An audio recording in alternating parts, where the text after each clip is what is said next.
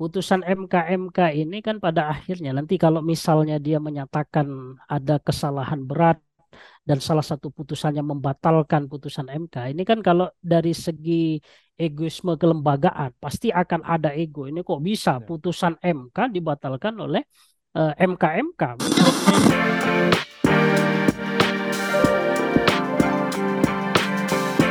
Hai sahabat TCID, kalian sedang mendengarkan podcast Suara Akademia. Ngobrol seru isu terkini bareng akademisi. Putusan Mahkamah Konstitusi uh, sempat membuat masyarakat geger nih sobat TCID karena batas usia pendaftaran capres dan cawapres sempat menjadi heboh yang berujung pada akhirnya salah satu uh, calon presiden yaitu Prabowo Subianto mendaftarkan uh, Gibran Rakabuming gitu ya menjadi calon wakil presidennya beliau gitu. Ini uh, terjadi ketika akhirnya Mahkamah Konstitusi itu mengizinkan seseorang di usia sebelum 40 tahun tapi sudah memiliki pengalaman menjadi uh, kepala daerah berdasarkan pemilu itu tuh boleh menjadi calon wakil presiden. Follow up-nya lumayan banyak ya, mulai dari protes dari masyarakat, um, diskusi di sana sini bahkan sampai akhirnya Majelis Kehormatan Mahkamah Konstitusi ini melakukan sidang gitu karena ada laporan dari beberapa pihak yang menyatakan putusan kemarin itu tuh um, bisa dibilang ada cacat dalam tanda petik. So kita bakal ngobrol soal itu. Selamat datang di Suara Akademia. Nama saya Muhammad Syarif dan buat kali ini kita bakal ngobrol bareng sama Pak Jamaluddin Gafur. Beliau adalah dosen dari Fakultas Hukum dari Universitas Islam Indonesia. Halo Pak Jamal, apa kabar Pak? Alhamdulillah sehat Mas Syarif. Assalamualaikum. Waalaikumsalam warahmatullahi wabarakatuh. Baik, um, pertanyaan saya pertama nih mungkin Pak Jamal. Kita berbicara mengenai nama MKMK alias Majelis Kehormatan Mahkamah Konstitusi yang mhm. belakangan diomongin sama banyak orang gitu ya setelah putusan Mahkamah Konstitusi kemarin itu tentang batas usia capres dan cawapres keluar dan bikin geger dalam tanda petik uh, banyak publik gitu. Mungkin bisa dijelasin dikit kali ya Pak Jamal ya soal Majelis Kehormatan MK ini tuh apa dan fungsinya apa dari majelis ini nih karena kayaknya dalam beberapa tahun ke belakang baru kali ini nih nama MK-MK keluar gitu Pak Jamal. Ya betul sekali ya Mas Arif. Sebenarnya eh, MK-MK ini sudah buk apa bukan sesuatu yang baru dan bukan kali ini saja ya. Cuman isunya menjadi menarik soal MK-MK ini karena ini menyangkut soal kekuasaan, soal pemilu. Dulu sudah beberapa kali sebenarnya Mahkamah Konstitusi membentuk MK-MK ini yang tugas utama dari lembaga ini adalah mengadili soal dugaan pelanggaran etik yang dilakukan oleh uh, hakim Mahkamah Konstitusi. Kita tahu misalnya dulu Pak Arif Hidayat itu pernah uh, apa terlibat kasus etik juga ketika beliau mengeluarkan uh, satu surat yang memberi rekomendasi pada intinya uh, atas apa uh, family beliau untuk apa dulu terkenal dengan kasus surat KTBLC ya di Mahkamah Konstitusi itu. Kasusnya di zaman Pak Mahfud juga pernah dulu ketika ada sebagian hakim diduga melakukan pelanggaran etik, kasusnya Pak siapa namanya uh, Irsyad kalau tidak salah ya dulu uh, terakhir itu di ketika MKMK dibentuk diketuai oleh Pak Palguna kalau tidak salah dulu uh, meneliti soal perubahan putusan Mahkamah Konstitusi kalau tidak salah ya. Nah, terakhir ini di isu soal uh, apa namanya putusan 90 soal usia capres dan cawapres gitu ya. Ini menjadi menarik karena uh, tadi berkaitan dengan kekuasaan negara dan ini ada hubungannya terkait dengan soal masa depan demokrasi kita gitu Mas Syarif. Jadi ada banyak dugaan kalau di dalam putusan MK ini penuh dengan apa namanya ada potensi-potensi pelanggaran etik untuk mengamankan uh, pencalonan orang-orang tertentu yang sebelumnya menurut undang-undang pemilu kita sebenarnya tidak memenuhi kualifikasi gitu tapi dengan uh, melalui masuk dari putusan MK ini lalu orang-orang tertentu memenuhi kualifikasi. Karena kita tahu dulu Undang-Undang Pemilu itu kan menentukan bahwa syarat capres dan cawapres itu umurnya minimal 40 tahun gitu ya. Uh, tapi melalui putusan MK ini lalu dirubah yang pada intinya tetap 40 tahun, tapi ada pengecualian bagi mereka yang pernah atau sedang menjabat di jabatan publik yang dipilih melalui mekanisme pemilu, boleh dia tidak 40 tahun begitu ya. Hmm. Nah, salah satu dugaan dari pelanggaran etik ini terutama berkaitan dengan uh, Ketua Mahkamah Konstitusi ya Pak Anwar Usman adalah uh, ada dugaan publik kalau beliau ini punya uh, konflik kepentingan begitu ya dengan uh, perkara ini karena di dalam permohonan itu pemohon jelas-jelas salah satunya itu menyebut uh, Mas Gibran gitu ya. Jadi salah satu pemohon itu kan mendadilkan bahwa umur 40 ini merugikan begitu ya karena kata dia ada beberapa orang muda yang punya uh, potensial sekali untuk menjadi presiden tapi kemudian terhalang salah satunya yang dia sebut itu adalah Gibran wali kota uh, Solo yang menurut si pemohon ini mestinya orang-orang yang punya pengalaman sekalipun umurnya di bawah 40 itu diberi kesempatan. Nah, secara garis kekeluargaan Pak Anwar Usman ini kan punya hubungan kekeluargaan ya karena beliau adalah uh, me, apa, berkeluarga dengan adiknya Pak Jokowi sementara Gibran adalah putra dari presiden kita Pak Jokowi. Sehingga mestinya menurut aturan hukumnya uh, Pak Anwar Usman selaku Ketua Mahkamah Konstitusi tidak terlibat dalam pengambilan keputusan di dalam persidangan ini. Tapi beliau uh, terlibat termasuk juga hakim yang memberi putusan ini yang menjadi salah satunya yang melatar belakangi publik lalu beramai-ramai mengadukan ke Mahkamah Konstitusi agar MK melakukan satu pemeriksaan betul tidaknya dugaan soal pelanggaran etik ini gitu ya. Hmm. Nah, jadi itu sebenarnya posisi kasus dari munculnya MKMK ini. Jadi MKMK ini adalah salah satu instrumen untuk tadi mengadili pelanggaran-pelanggaran dugaan etik yang dilakukan oleh Mahkamah Konstitusi dan ini menurut saya penting begitu ya untuk menjaga marwah dari satu lembaga tertentu apalagi sekelas Mahkamah Konstitusi yang ini putusannya terutama dalam konteks pengujian peraturan itu bersifat uh, final and binding begitu ya mengikat. Nah, sehingga dalam konteks ini hakim tentu uh, bukan hanya sekedar dituntut untuk taat terhadap hukum acara, peraturan-peraturan hukum yang mengikat dirinya, tapi juga berkaitan dengan eh, etik-etik atau aturan etika dan perilaku yang sudah ditetapkan begitu ya, agar publik ini ketika mahkamah mengeluarkan satu putusan yakin betul bahwa putusannya ini memang diputus secara dan adil begitu ya. Nah, karena ketika putusan itu keluar lalu sebagian besar masyarakat menganggap ini ada yang janggal begitu ya. Putusannya tidak adil, memihak begitu ya. Ada konflik of interest. Ini tentu bahaya karena ketika satu putusan itu kemudian tidak dipercaya dan ditolak oleh masyarakat, nah ini tentu pada akhirnya akan ada aksi pembangkangan terhadap hukum dan taruhannya tentu adalah uh, bangunan negara hukum Indonesia yang selama ini sudah uh, kita pertahankan secara sangat baik begitu ya. Nah, jadi itu uh, fungsi dan hakikat dari MKMK ini. Jadi dia adalah satu lembaga yang mengadili atas dugaan-dugaan pelanggaran kode etik yang dilakukan oleh uh, hakim Mahkamah Konstitusi begitu. Oke. Jadi sudah jelas gitu ya dudukannya MK-MK ini seperti apa gitu ketika memang ya. ada putusan dari Mahkamah Konstitusi yang um, let's say bermasalah atau mungkin um, bukan undisputed gitu putusannya ya ada dispute-nya ya. itu di situ ya. um, MK-MK bermain gitu dalam tanda petik bermainnya.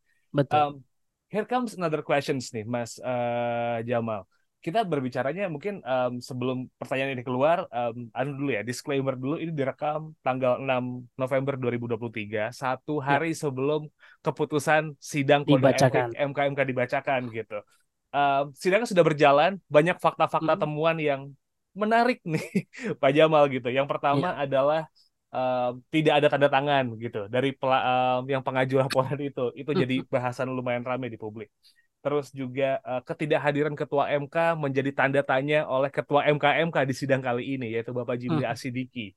Uh, Denny Indrayana juga menemukan ada konflik of interest yang dikhawatirkan membuat putusan MK kemarin menjadi uh, sedikit permasalahan gitu.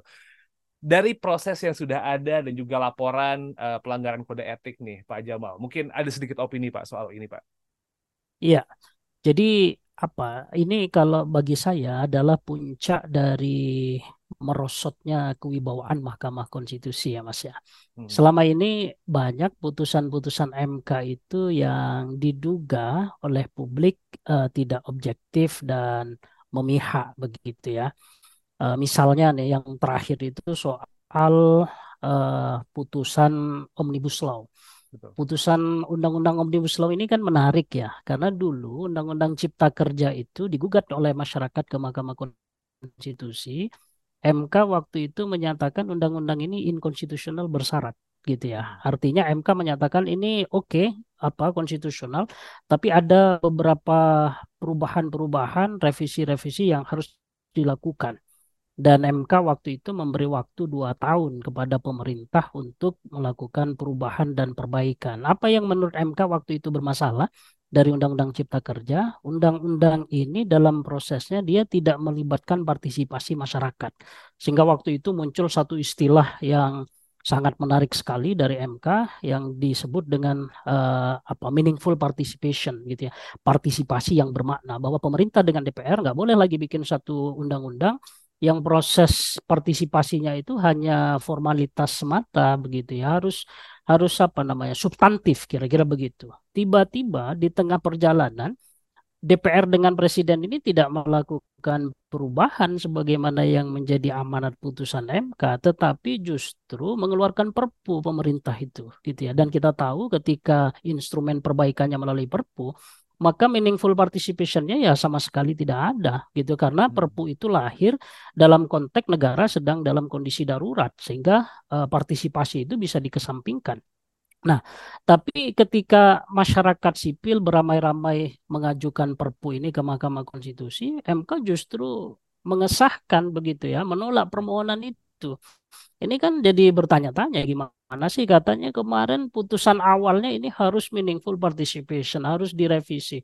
Lah ini kok dibuat perpunya kok dibiarkan saja begitu ya. Termasuk soal pemecatan hakim Pak Aswanto begitu ya di tengah jalan diganti oleh uh, Pak Guntur Hamzah itu kan menimbulkan pertanyaan bersama karena secara hukum sebenarnya Pak Aswanto belum selesai, belum apa belum pensiun gitu. Ya. Tiba-tiba ditarik di tengah jalan yang kita dengar pendapat dari DPR waktu itu Pak Aswanto kenapa di recall karena dia dianggap terlalu banyak itu membatalkan undang-undang uh, yang dibuat oleh DPR. Kata DPR mestinya uh, hakim dari wakil DPR ini justru melindungi produk-produk DPR gitu ya. Nah, sehingga ini uh, kekecewaan-kecewaan publik yang menurut saya sekarang ini adalah puncaknya begitu ya. Ketika dari awal publik sudah mewanti-wanti bahwa terutama bagi ketua Mahkamah Konstitusi Pak Anwar Usman ada potensi konflik of interest yang sangat besar terhadap kasus uh, pemeriksaan di usia capres cawapres ini. Sehingga dari awal mestinya beliau tidak terlibat tapi ya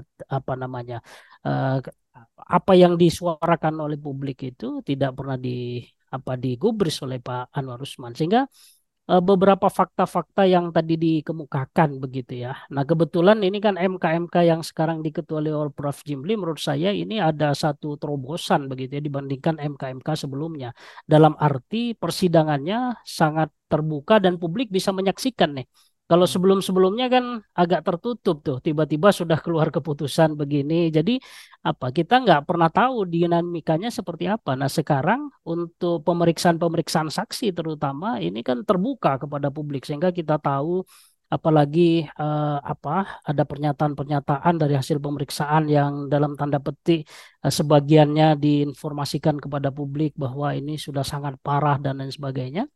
Nah, ini menunjukkan kalau MK kita ini memang sedang tidak baik-baik saja begitu. Sehingga kalau tadi pertanyaannya bagaimana opini saya terkait dengan proses uh, perjalanan sidang ini, ini sangat bagus sekali begitu ya. Bahkan ke depan kalau bisa ya seluruh persidangan itu dibuka sajalah gitu. Termasuk pemeriksaan hakim begitu ya, agar publik ini tahu dan tidak bertanya-tanya ya kan tentang bagaimana hasilnya gitu ya. Dan uh, kemarin saya baca pernyataan dari Pak Jimli selaku ketua MKMK itu beliau memohon agar uh, publik itu untuk menyetop tidak lagi memasukkan laporan-laporan baru. Karena kalau enggak nanti enggak selesai-selesai. Ini menunjukkan kalau atensi publik untuk melaporkan ini kan luar biasa gitu ya.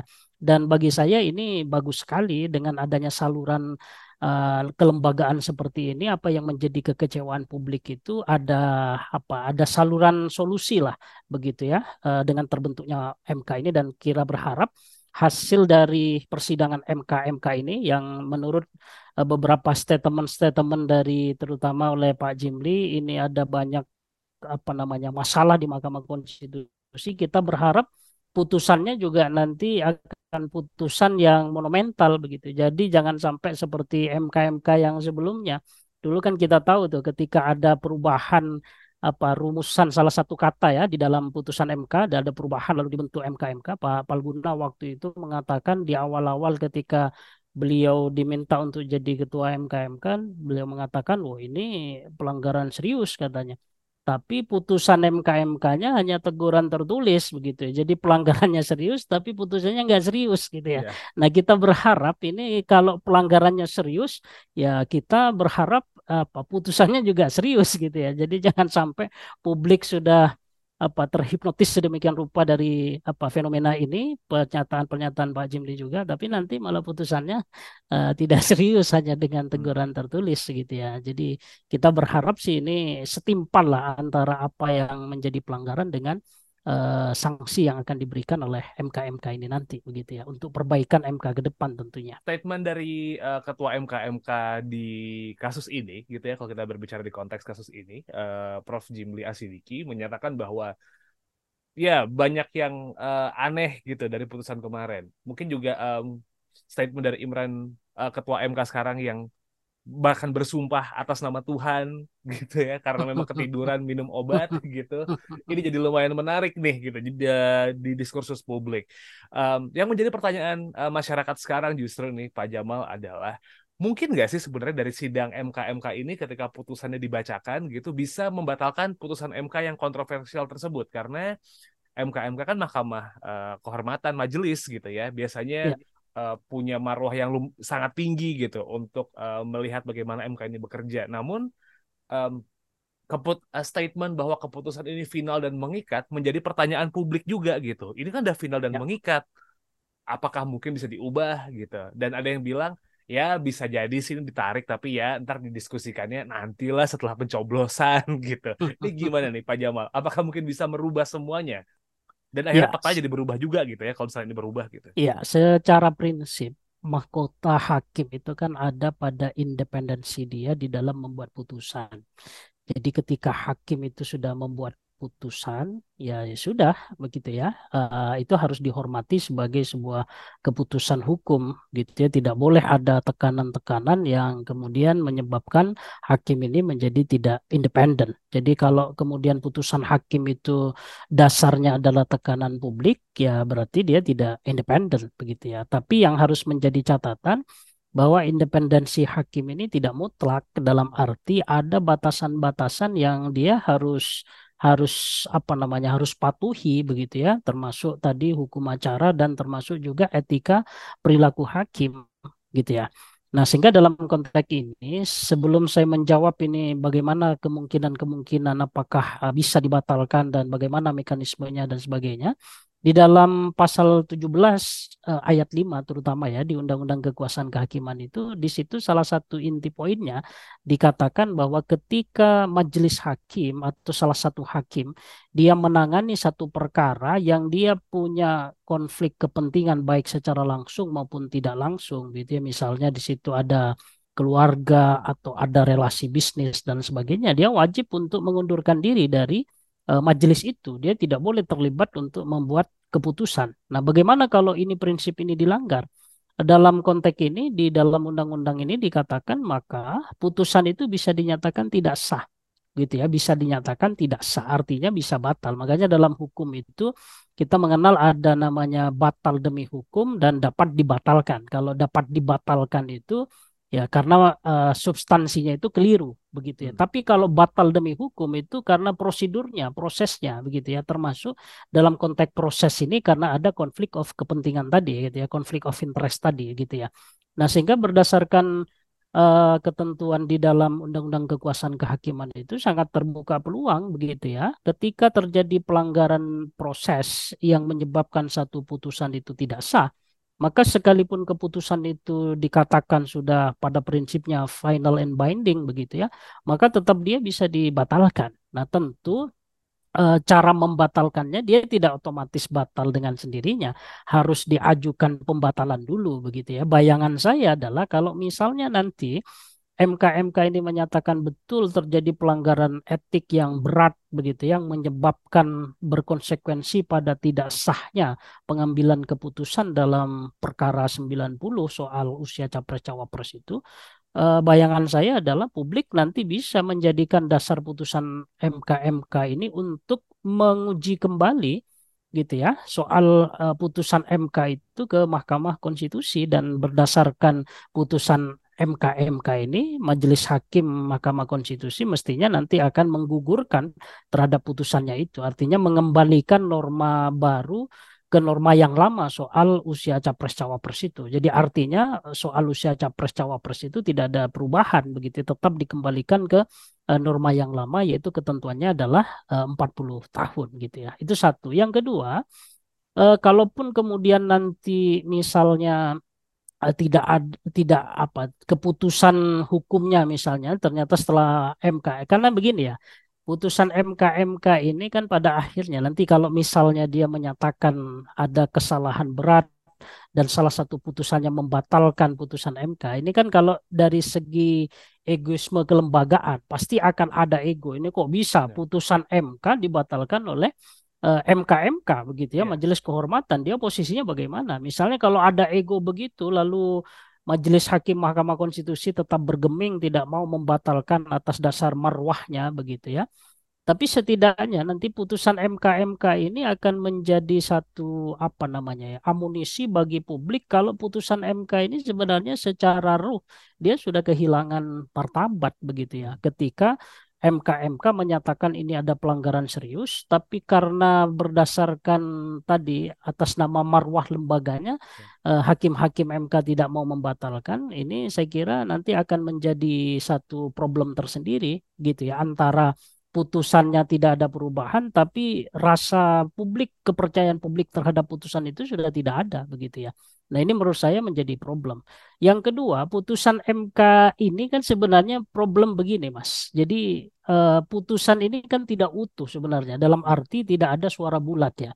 Uh, terutama uh, yang mengabulkan soal dikecualikan umur 40 itu bagi yang pernah menjabat atau sedang menjabat dalam jabatan publik yang dipilih dalam pemilu. Hmm. Itu untuk kasus pilkada itu kan tiga orang setuju sampai ke kepala daerah kabupaten kota tapi yeah. dua orang setujunya itu hanya sampai di level gubernur gitu ya. Mm-hmm. Jadi kalau kita berasumsi bahwa putusan MK itu apa uh, proporsinya lima empat lima men, me, apa, mengabulkan empat menolak.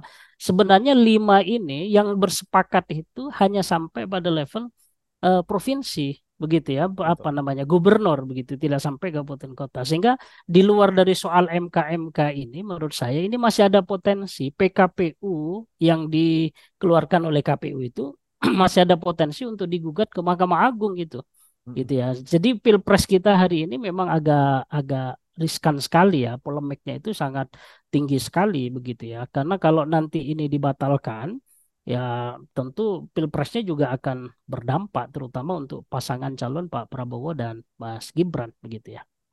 I see. So ya. gini Pak Jamal, pertanyaan saya adalah artinya meskipun um, let's say di tanggal 7 Feb, uh, November gitu keluar nih statementnya gitu ya bahwa sidang putusan MKMK menyatakan let's say poinnya A gitu. Ya. Itu nggak langsung berarti langsung semuanya gugur dan akhirnya Pak Prabowo itu pasangannya uh, dengan Gibran itu dianggap tidak sah karena memang harus ada rentetan proses hukum lagi, harus ada um, apa ya?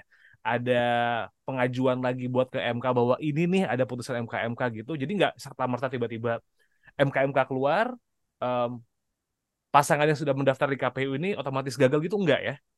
Uh, kalau secara hukum tata negara itu ada dua pandangan menurut saya Mas ya. Yang pertama pandangan secara legal formal. Legal hmm. formal itu ya tadi prosesnya memang harus begitu.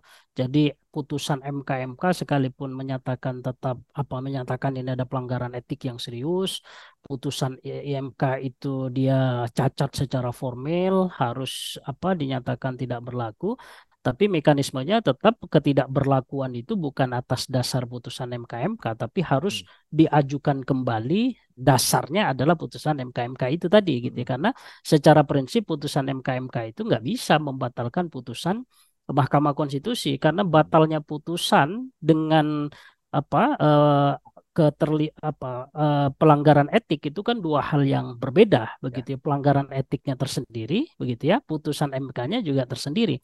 Jadi yang bisa menegasikan atau merevisi putusan MK itu ya hanya MK itu sendiri melalui putusan yang sama begitu ya. Tapi yang kedua, dalam hukum tata negara itu ada yang disebut dengan konvensi begitu ya, hmm. konvensi ketatanegaraan. Jadi artinya begini, kalau kita memandang misalnya putusan MK-MK yang eh, kalau kita berandai-andai ini nanti menyatakan ini ada pelanggaran berat begitu ya putusan ini harus dianulir dan lain sebagainya. Kalau kita memandang bahwa ini adalah cara yang terbaik untuk kita harus sudahlah ini jangan dijadikan sebagai rujukan untuk kita apa menjalani Pilpres 2024 ini agar dia tidak menimbulkan problem hukum yang lebih serius begitu ya. Jadi KPU bersepakat untuk tunduk dan patuh terhadap itu begitu ya. Partai politik juga begitu. Ya menurut saya itu juga bisa menjadi jalan keluar bahwa putusan MK apa putusan MK sebelumnya menjadi batal itu hanya berdasarkan uh, putusan MK-MK tadi begitu ya. Jadi nanti melalui proses konvensi tadi antar elit ini punya kesepakatan bersama untuk bagaimana mentaati apa yang sudah diputuskan oleh MK-MK tadi gitu ya. Dan menurut saya ini adalah cara yang uh, paling elegan begitu ya. Kenapa? Karena kita tidak punya waktu yang cukup untuk me, apa, mengajukan kembali uh, permohonan itu ke Mahkamah Konstitusi di tengah tahapan Pilpres yang sudah berjalan begitu ya. Kalau kita bayangkan misalnya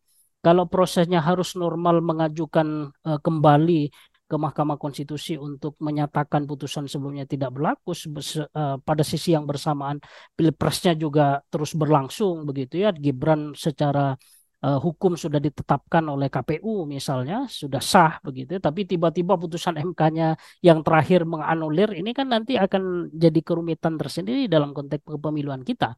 Dan jangan lupa pemilu ini kan berkaitan dengan uh, hajatan suksesi nasional. Artinya ya. Pak Jokowi sekarang itu sudah ditentukan kapan masa berakhir jabatan beliau. Dan ketika masa jabatan beliau ini berakhir sudah harus bisa dipastikan penggantinya ini sudah harus ada begitu. Jadi nggak boleh ada vacuum of power nanti. Hmm. jadi kalau proses uh, pilpresnya ini berlarut-larut hanya karena persoalan ini pada akhirnya nanti ketika harus sudah waktunya suksesi belum ada yang menggantikan karena pemilunya masih tersendat ini menurut saya malah membahayakan terhadap kepentingan yang lebih besar begitu ya Oke. Jadi memang secara implementasi tadi uh, mungkin Pak Jamal bisa saya simpulkan bahwa ada dua cara ya. Yang pertama memang ngikutin aturan mainnya tapi juga bisa ya. melakukan konvensi gitu kayak Betul. semua elit politik ngobrol duduk di satu ruangan untuk membahas ini bahwa ya sudah tidak baik secara etik jadi ya. seperti apa harusnya. Kurang lebih seperti itu ya Pak Jamal ya. Betul, betul, betul. Oke. Okay. Um, kita berbicara soal kalau uh, setelah implementasi nih uh, Pak Jamal gitu. Kita masih menunggu-nunggu nih ya karena rekamannya again and again di tanggal 6 Sobat TCID. Baru tanggal 7 nih Pak uh, uh, MKMK bakal mengeluarkan statementnya. What if gitu kalau misalnya pada akhirnya terjadi seperti yang sebelum-sebelumnya nih uh, Pak Jamal gitu. Di awal ketua MKMK-nya bilang bahwa ini permasalahan serius, ini harus ditangani, ujung-ujungnya cuman ya peringatan tertulis. Cuman ya teguran aja gitu. What if kalau itu kejadian? Ya kalau saya sih komentarnya satu kita kena prank lagi nih ya kan? sama dengan putusan yang kemarin. Kemarin kan putusan itu banyak sekali ya. Di pagi hari sampai siang itu ditolak ditolak ditolak. Kita sudah banyak membaca di grup WA itu wah alhamdulillah MK ini menolak. Ternyata setelah habis makan siang ada kejutan putusan yang terakhir diterima gitu ya. Jadi kalau sampai uh, kejadiannya seperti yang digambarkan tadi dari sejak awal sudah ada statement komentar bahwa ini ada pelanggaran serius belum pernah terjadi dalam sejarah Mahkamah Konstitusi ada kejadian yang seperti ini dan sebagainya tapi pada akhirnya putusannya hanya teguran tertulis atau teguran lisan ya saya kira ini hanya akan menambah kekecewaan kita kepada Mahkamah Konstitusi dan putusan itu menurut saya tidak akan pernah benar-benar bisa mengembalikan marwah uh, Mahkamah Konstitusi di mata rakyat gitu ya.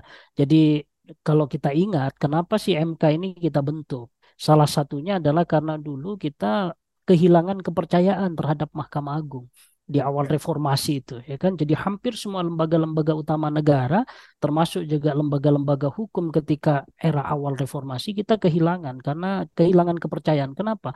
Karena kita menganggap terlalu banyak mafia peradilan begitu ya ketidakadilan yang dikeluarkan oleh justru oleh lembaga-lembaga peradilan Uh, sehingga lalu kita bentuk Mahkamah Konstitusi secara khusus dia kasih kewenangan-kewenangan yang berbeda dengan Mahkamah Agung. Dan perjalanan awal saya kira apa harapan kita punya lembaga peradilan yang berwibawa dan bersih itu ya kita optimis begitu. Karena di awal-awalnya sangat progresif sekali Mahkamah Konstitusi. Tapi semakin ke sini nampaknya uh, nasib Mahkamah Konstitusi ini hampir sama dengan nasib Mahkamah Agung di era Orde Baru dulu bahkan lebih parah begitu ya kenapa saya katakan lebih parah karena Mahkamah Agung setelah reformasi mencoba untuk berbenah begitu ya walaupun harus tertatih-tatih justru MK yang lahir dari rahim uh, reformasi justru sebaliknya dia berjalan mundur.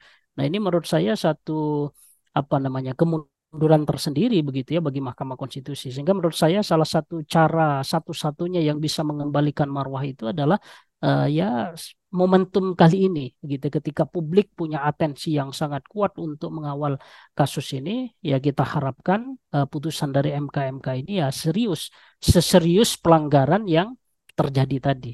Kira-kira begitu mas. Jadi memang um, hasil putusan akan membentuk persepsi masyarakat seperti apa ya. Meskipun setelah putusan keluar kita um, masih menebak-nebak juga gitu. Proses ke depannya akan seperti apa? Itu itu lain soal. Tapi paling enggak putusan dari MK-MK ini um, bisa membuat masyarakat percaya bahwa ya keadilan ya. masih ada di sana gitu ya, betul, ya, Pak Jamal ya. Betul. Salah satu catatan menurut saya Mas dari ya, apa pelajaran ya bisa yang bisa kita ambil dari kasus ini mungkin ke depan ya bahwa uh, bisa nggak sih kita ini terutama lembaga peradilan ketika memutus kasus-kasus terutama berkaitan dengan syarat-syarat kepemiluan. Ketika pemilunya sudah dimulai tahapannya begitu ya. Kalaupun ada putusan bisa nggak ini diberlakukan di pemilu yang akan datang. Jadi kalau saya mengistilahkan, ini kan pemilu ini kan ibarat permainan, pertandingan gitu ya, sepak bola misalnya. Ini pertandingannya sudah dimulai, di tengah jalan ketika pertandingan sedang dimulai, ini ada perubahan aturan, ada perubahan yeah. apa syarat begitu kan lucu gitu ya. Ya mestinya ketika pertandingannya sudah dimulai ya sudah syarat yang sebelumnya sudah berlaku itu yang diterapkan. Kalaupun mau ada perubahan persyaratan atau mekanisme berlakukan itu di pertandingan berikutnya gitu ya. Bayangan saya kalau putusan MK ini kemarin mengabulkan seperti ini tapi diberlakukannya di pemilu yang akan datang mungkin respon publik tidak akan sekecewa ini begitu ya. ya. Tapi ketika putusannya sudah penuh dengan apa uh, ketidaknormalan tadi, konflik of interest lalu diberlakukan juga hari ini. Uh, ini kan menambah ke keyakinan masyarakat bahwa memang putusan ini hanya untuk memfasilitasi orang-orang tertentu yang awalnya menurut hukum tidak memenuhi kualifikasi lalu berdasarkan putusan ini dia diberi karpet merah kira-kira begitu. Ya. Jadi memang um, sidang MK-MK ini menjadi salah satu apa ya putusan yang mungkin bisa jadi breakthrough ke depannya dan juga menyelamatkan betul. MK itu sendiri ya di mata masyarakat begitu Pak Jamal. Ya? Betul, ya? betul. Baik, ada lagi yang ingin disampaikan uh, Pak Jamal mungkin uh, tentang sidang kode etik MK-MK terus juga putusan MK ini dan ke depannya proses pemilu karena kita udah di bulan November gitu ya. Uh, ya. Praktis tinggal 2 3 bulan lagi pencoblosan akan dimulai nih. Mungkin ada yang sampai lagi? Ya, Silakan, ya, saya sih berharap apa putusan MK ini akan monumental lah ya kan? Akan monumental dalam arti akan memberikan daya kejut bagi internal Mahkamah Konstitusi agar mereka itu bisa berubah. Dan termasuk ini bisa memberi harapan kepada publik bahwa keadilan di Republik ini masih bisa di ditegakkan dan diperjuangkan. Itu saja begitu ya. Jadi kita berharap dengan berbagai komentar yang disampaikan oleh Prof. Jimli selaku Ketua MKMK bahwa ini pelanggarannya serius, pelanggarannya sangat dahsyat dan sebagainya, ya saya pribadi berharap putusannya juga dahsyat, kira-kira begitu. Jadi jangan cuma statement di awal aja yang dahsyat tapi ujung-ujungnya melempem ya. Betul. banyak banyak yang kayak gitu soal kejadian Pak Jamal. Baik kalau gitu it's a wrap for this episode Sobat Isi ID. Terima kasih sudah mendengarkan suara akademia kali ini. Kita ketemu lagi di next episode. Once again thank you so much Pak Jamaludin Gafur dan Ya, sama-sama Mas Kita ketemu lagi di next episode. Assalamualaikum. Kalian telah mendengarkan podcast Suara Akademia. Ngobrol seru isu terkini bareng akademisi.